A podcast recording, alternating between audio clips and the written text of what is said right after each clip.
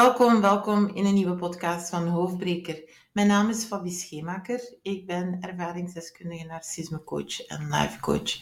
In mijn podcast neem ik jou mee in de wereld van narcisme. Geef ik jou tools en inzichten hoe jij kan helen na narcistisch misbruik. En ja, het geluk terugvinden jezelf, het is mogelijk. Weet, een narcist of narciste, die kan je niet veranderen. Maar jij wel. Waarom is alles, maar dan ook echt alles, jouw schuld? Wanneer je te maken hebt met een narcist of narciste. En waarom neem jij ook steeds de schuld op jou? Dit is de vraag waar we ons gaan overbuigen. Ik heb er echt zin in vandaag. En om samen met jou te brainstormen over de term projection en blame shifting. Dit is de 23e podcast ondertussen. Blame shifting en projection betekenen letterlijk vertaald dat je de schuld bij iemand anders gaat leggen of gaat projecteren. Bij een schuld gaat het vaak over het feit dat je iemand kan verwijten of jezelf gaat verwijten en mogelijk daar een straf gaat aan hangen. Een schuldgevoel hebben gaat niet echt over een emotie hebben, maar wel over een waardeoordeel. Hoe komt het toch dat prooien zo vaak gebukt gaan onder schuldgevoel en waar komt dit vandaan? Lag dit enkel aan de narcist of narciste dat jij je zo vaak schuldig voelde? Of heb jij hier ook een aandeel in? Dit gaan we zo meteen onder de loep nemen. Als je nog even, als je, ah, nog even dit. Als je voor de eerste keer luistert naar mijn podcast, dan wens ik je mooie inzichten bij het beluisteren van de podcast van Hoofdbreker. Was je al meermaals aanwezig, dan opnieuw van harte welkom.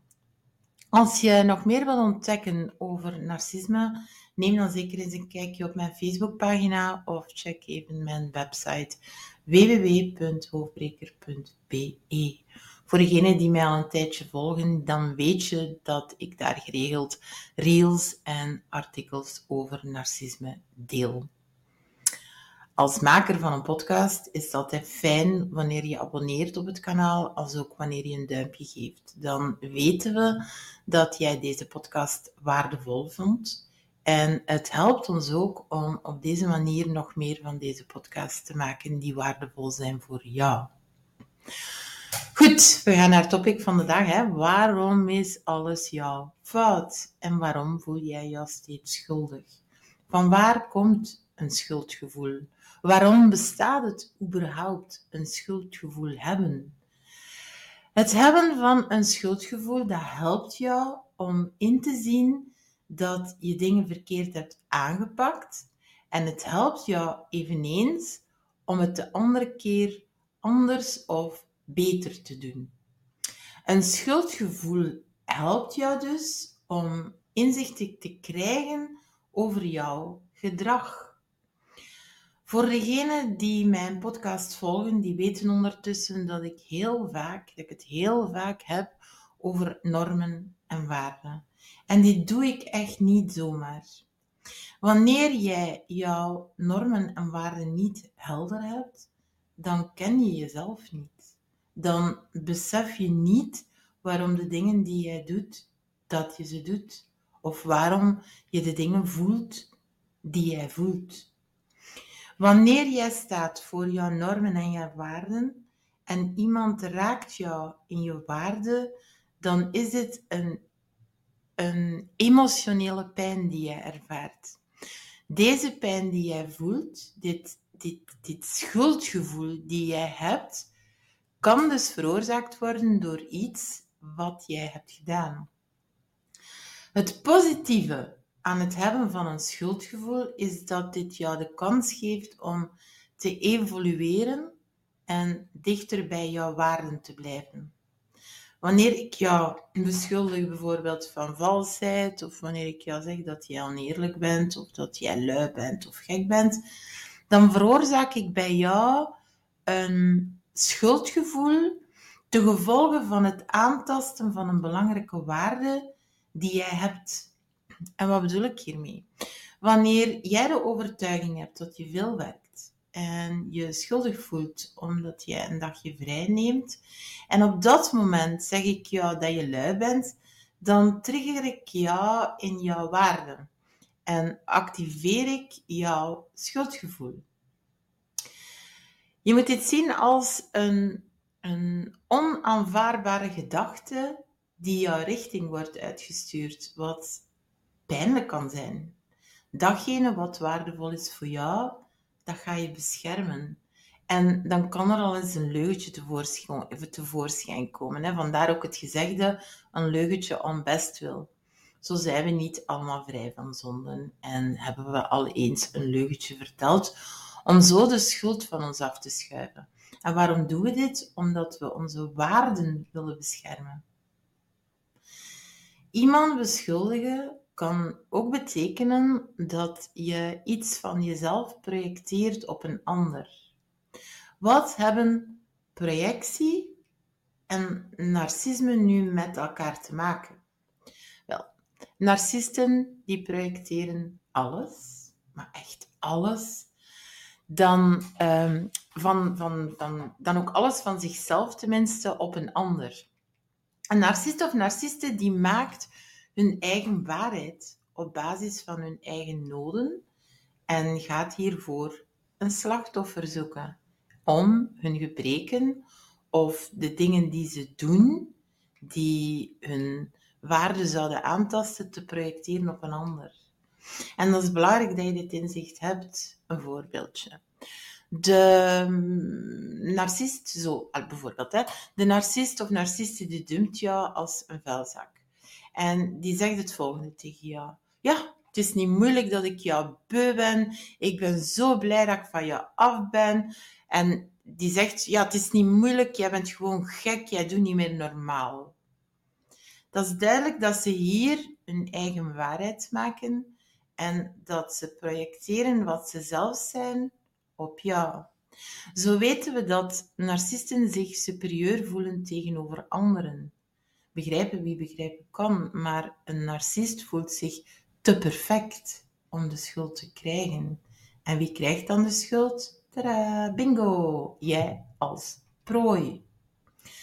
Voor een narcist of narciste draait het allemaal om een ego. En fout maken, mm, dat past niet in het plaatje die narcisten hebben over zichzelf. Zonder zelfreflectie is dat eigenlijk ook logisch dat ze het niet aankunnen de schuld van iets te krijgen, want dat zou betekenen dat zij hun ego moeten herbekijken. Wanneer jij hoopt op een schuldbekentenis van een narcist of narciste, wel, dan maak je mijn inziens nog meer kans op de loto te winnen dan dit. Het hebben van schuldgevoelens voor een niet-narcistisch persoon en de mate waarin dit gebeurt, wordt voor een groot deel bepaald tijdens jouw jeugd. Dus iemand die zich snel schuldig voelt, heeft onderliggend vaak een vorm van een, een gebrek aan eigenwaarde, dit wil ik zeggen, heeft een vorm van angst, en eigenlijk moet ik zeggen faalangst. Iemand die zich snel schuldig voelt, die heeft een groot verantwoordelijkheidsbesef wat narcisten dus helemaal niet hebben. Waarom is alles jouw schuld? Wel, één aspect wat al opvalt, is dat narcisten hun waarden slash ego zodanig beschermen dat ze gaan, dat ze gaan projecteren en jou met een schuldgevoel gaan opzadelen. Een voorbeeldje. Jij verlangt als kind al zo lang naar een puppy, een hondje.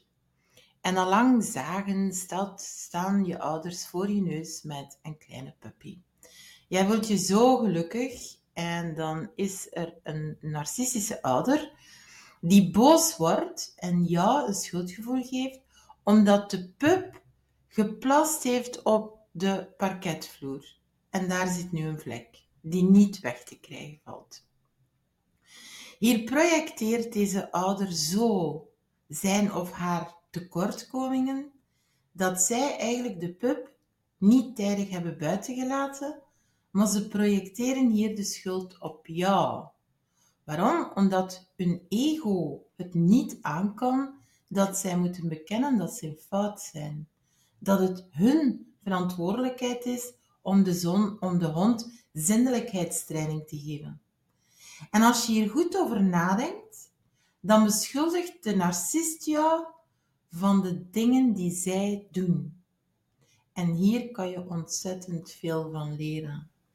Eens je die, die invalshoek bestudeert en dat je dat gaat bekijken, dan vertelt de narcist of narciste jou wat zij doen. Toen ik dit ontdekte, had ik echt het gevoel dat ik het ei van Columbus had uitgevonden. Ik heb dat uiteraard niet gedaan, maar dit gevoel had ik toen wel. Laat ons nog eens een voorbeeldje nemen. Hè? Jij en je partner vertrekken op reis. En alvorens vertrek vraag je aan de narcist, dat kan nu mannelijk of vrouwelijk zijn, ik neem nu de mannelijke. Hè?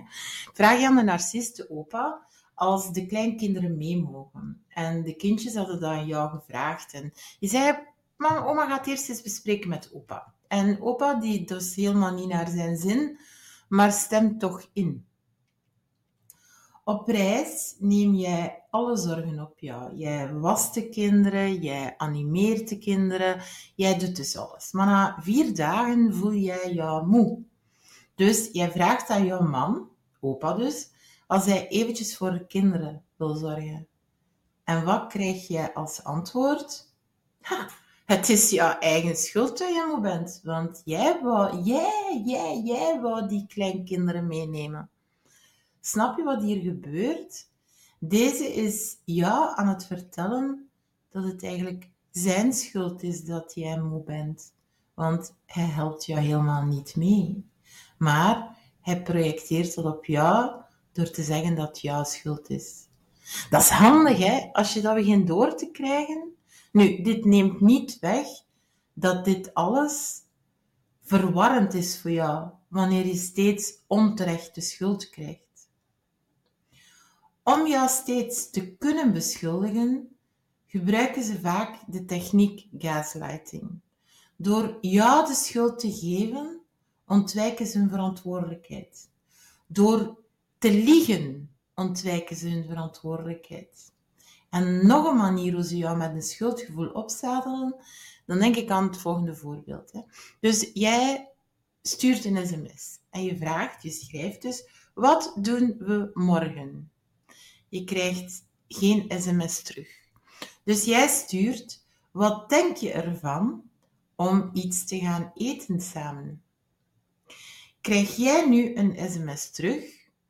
Waarom moet het altijd jouw idee zijn? Wat? Hoewel jij graag iets samen had gedaan, krijg jij nu geen, kreeg je geen antwoord en krijg je opnieuw geen antwoord. Dus wat doe je? Je beslist de volgende dag om te gaan wandelen in het bos. Gevolg is, de narcist is nu boos op jou dat jij alleen bent gegaan en zegt dan nog dat jij helemaal geen rekening houdt met hem of haar of met hem of haar zijn gevoelens. Wat gebeurt er hier, denk je? Heb je enig idee het moet altijd het idee zijn van de narcist of narciste en die projecteert dan nu op jou. De narcist houdt helemaal geen rekening met jouw gevoelens. Ook al draait deze dit hier handig om. Ik heb zoveel voorbeelden dat ik mij een beetje ga moeten beperken, maar nog een goeie. Hoe ze jou dus schuldig laten voelen. Hè? De narcist of narciste is uit met vrienden. Jij sms't en krijgt geen antwoord terug. Je hebt het avondeten gemaakt en niemand te zien. Veel later dan verwacht komt de narcist thuis en wanneer je vraagt waarom hij of zij ja niet eens kon verwittigen dat ze later zijn, zegt deze aan jou, hm, al mijn vrienden die waren ook niet aan het sms met hun partner. Weet je wat je bent? Je bent controlerend. Jij neemt mij mijn vrijheid af. Jij bent ziek. Wanneer je goed luistert, maar echt goed luistert, dan hoor je de narcist of narciste hier zeggen: Ik heb de controle, ik bepaal zelf wanneer ik sms, wanneer ik naar huis kom. Ik weet het, ik ben ziekelijk en ik neem jou je vrijheid af op vrije meningsuiting en het krijgen van respect. Opnieuw ontwijken ze een verantwoordelijkheid. En dit doen ze vooral door jou te beschuldigen dat jij het probleem bent. Dat jij moeilijk doet, terwijl ze zelf moeilijk doen en zij het probleem zijn. Om hun verantwoordelijkheid te ontlopen en om jou op te zadelen met een schuldgevoel, hiervoor maken ze handig gebruik van een selectief geheugen. Dit is een handig middeltje voor de narcist. Wanneer de narcist een affaire heeft of had en ze hoeven jou terug, dus ze nemen jou terug, dan is deze helemaal vergeten wat er gebeurd is en die verwacht van jou hetzelfde. Hun bedrog is verleden tijd. Dit hebben ze allemaal gewist en ze verwachten dat jij dit ook doet. Hoewel jij toch een en ander te verwerken hebt. Zoals het feit dat jouw partner seks had met iemand anders of jou maanden belogen heeft. En dan gaat hij zeggen dat er iets mis is met jou. Jij haalt altijd het verleden op. Maar kijk, ik ben nu toch bij jou. Waarom zeur jij altijd? En voilà, daar zit je weer met een schuldgevoel. De narcist maakt zelf de selectie van wat jij moet denken. Handig op deze manier, hè, om je verantwoordelijkheid te ontlopen en jou op te zadelen met een schuldgevoel. Je zou bijna gaan geloven dat jij diegene was die een affaire had. Ook tijdens de hoeveringsfase kan je dus te maken krijgen met schuldgevoel. Klinkt dat gek? Nee, want als je hierover nadenkt, dan gaan prooien in de hoeveringsfase vaak een schuldgevoel krijgen en twijfelen aan zichzelf. Ze gaan dan denken van ja, maar ja, neem ik hem terug of niet? Maar ja, misschien is hij of zij toch wel veranderd. Misschien bekijk ik het verkeerd. Lap, schuldgevoel. Is het mijn fout?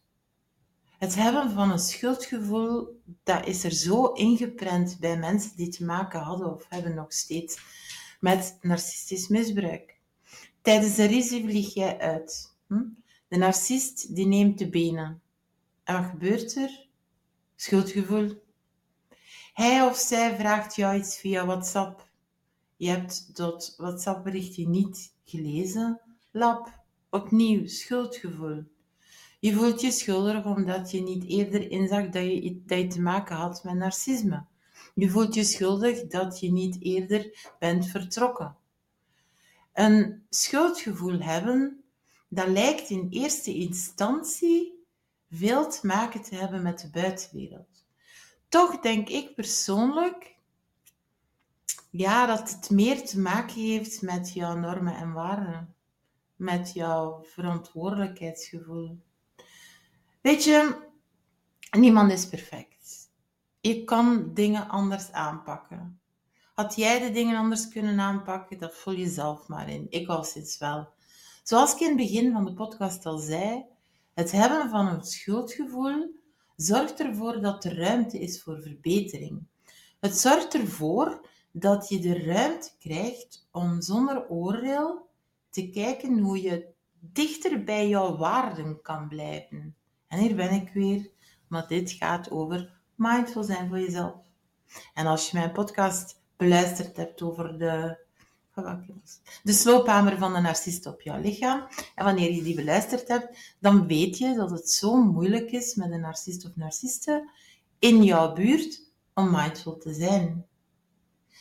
Narcisten geven jou van alles de schuld, ondanks het feit dat je net heel oplossingsgezind bent. Bijvoorbeeld, Jenny. Jenny die kreeg het verwijt dat ze nog amper meeging met haar vriendin. En Jenny had al uitgelegd dat ze zich niet zo fijn voelde in die nieuwe vriendenkring van Amber. Doch dat ze dit helemaal prima vindt dat Amber alleen gaat. Nu, uiteindelijk gaan Jenny en Amber in gesprek en besluiten ze om van de vier weekends één weekend steeds iets samen te doen. En vraagt Jenny, oké, en wat wil je dan volgend weekend doen?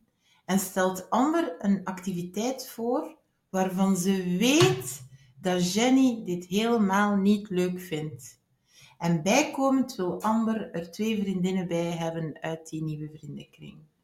Dus wanneer Jenny de opmerking maakt, ja maar ja, ik, ik wil best mee met jou, maar waarom moet dit nu met deze twee vrouwen zijn? En dan zegt Amber, zie je wel, we bespreken alles, we komen tot een compromis en nog voor we iets samen doen, doe jij opnieuw moeilijk. En voilà, Jenny vol schuldgevoel. Waarom is alles jouw schuld?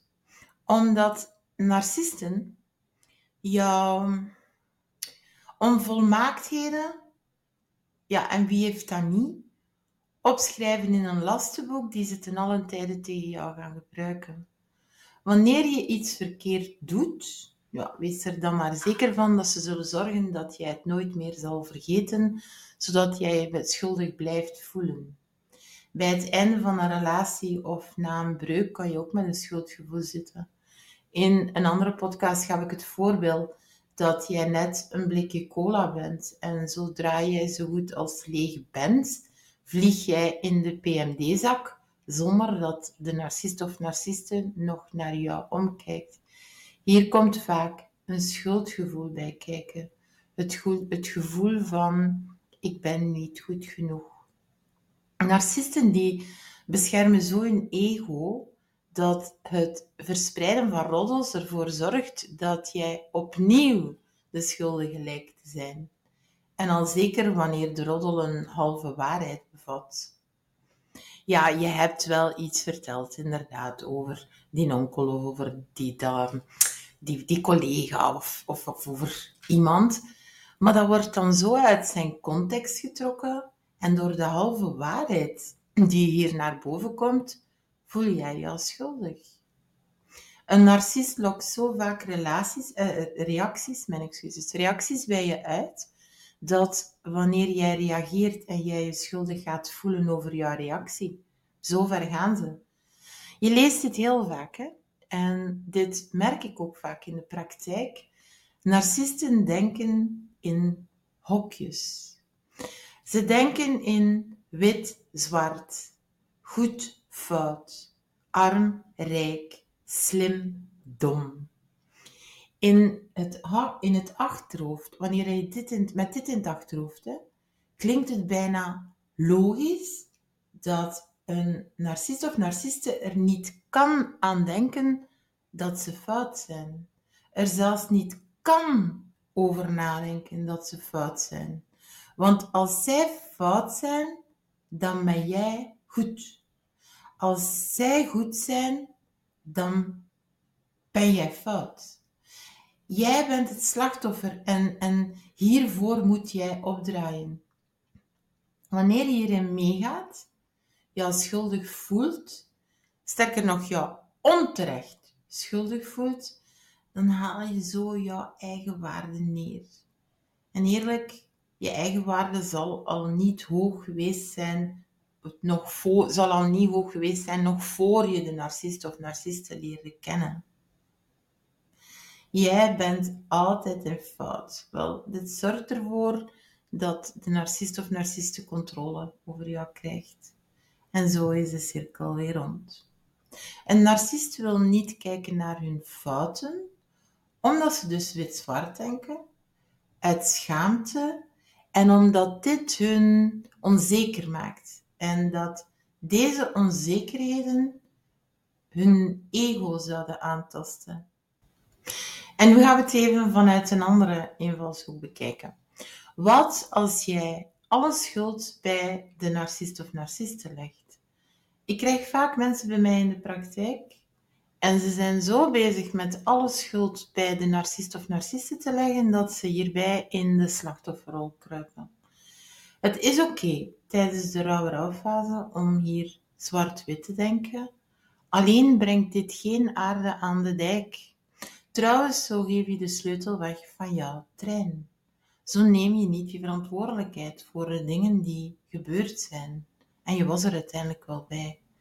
Keurt dit het narcistisch gedrag van de ander goed? Helemaal niet. Maar alle schuld bij de ander leggen zorgt ervoor dat je niet naar jezelf gaat kijken.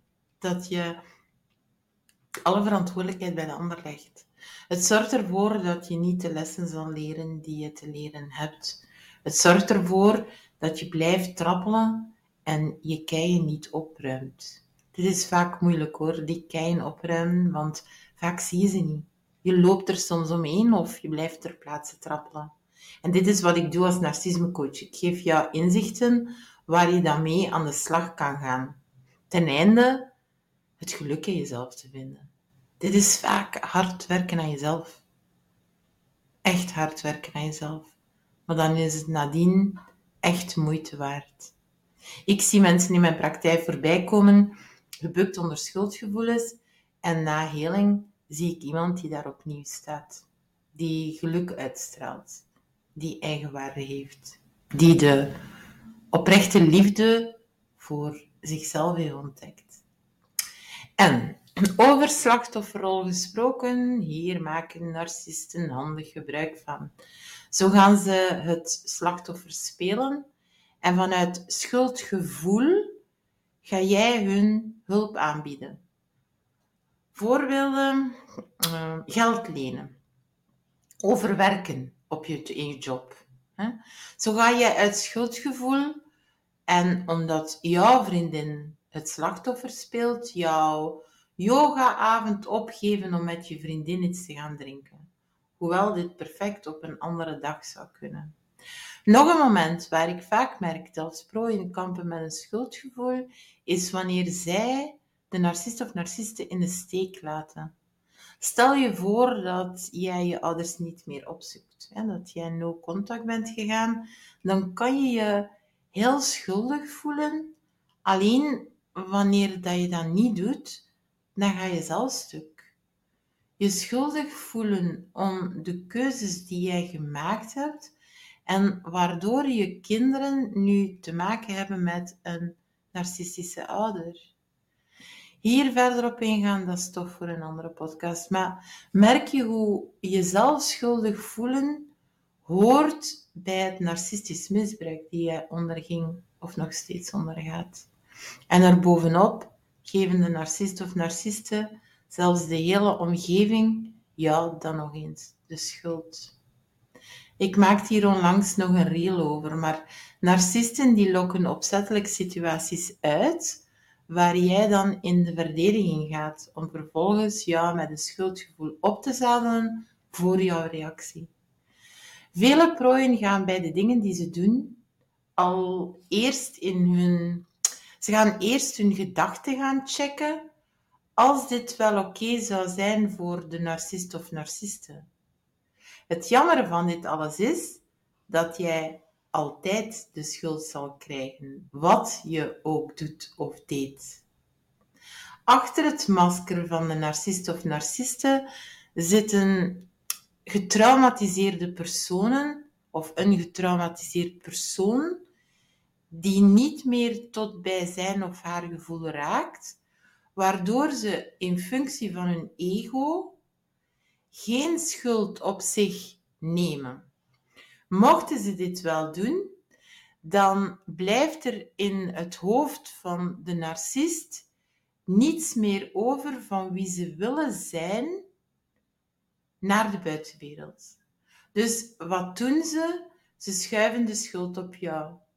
Ze zoeken jouw fouten op om deze van hun te verdoezelen. Ze liegen, want als ze niet zouden liegen, dan komt hun imago in het gedrang. Een typisch voorbeeld hiervan is het volgende. Op het werk wordt tijdens jouw vrije dag een vergadering gehouden die gaat over een belangrijke topic. Dus de volgende dag ga je naar het werk en zegt een collega tegen jou: Amai, dat was super interessant gisteren. We hadden een vergadering en dit ging over de herstructurering binnen het bedrijf.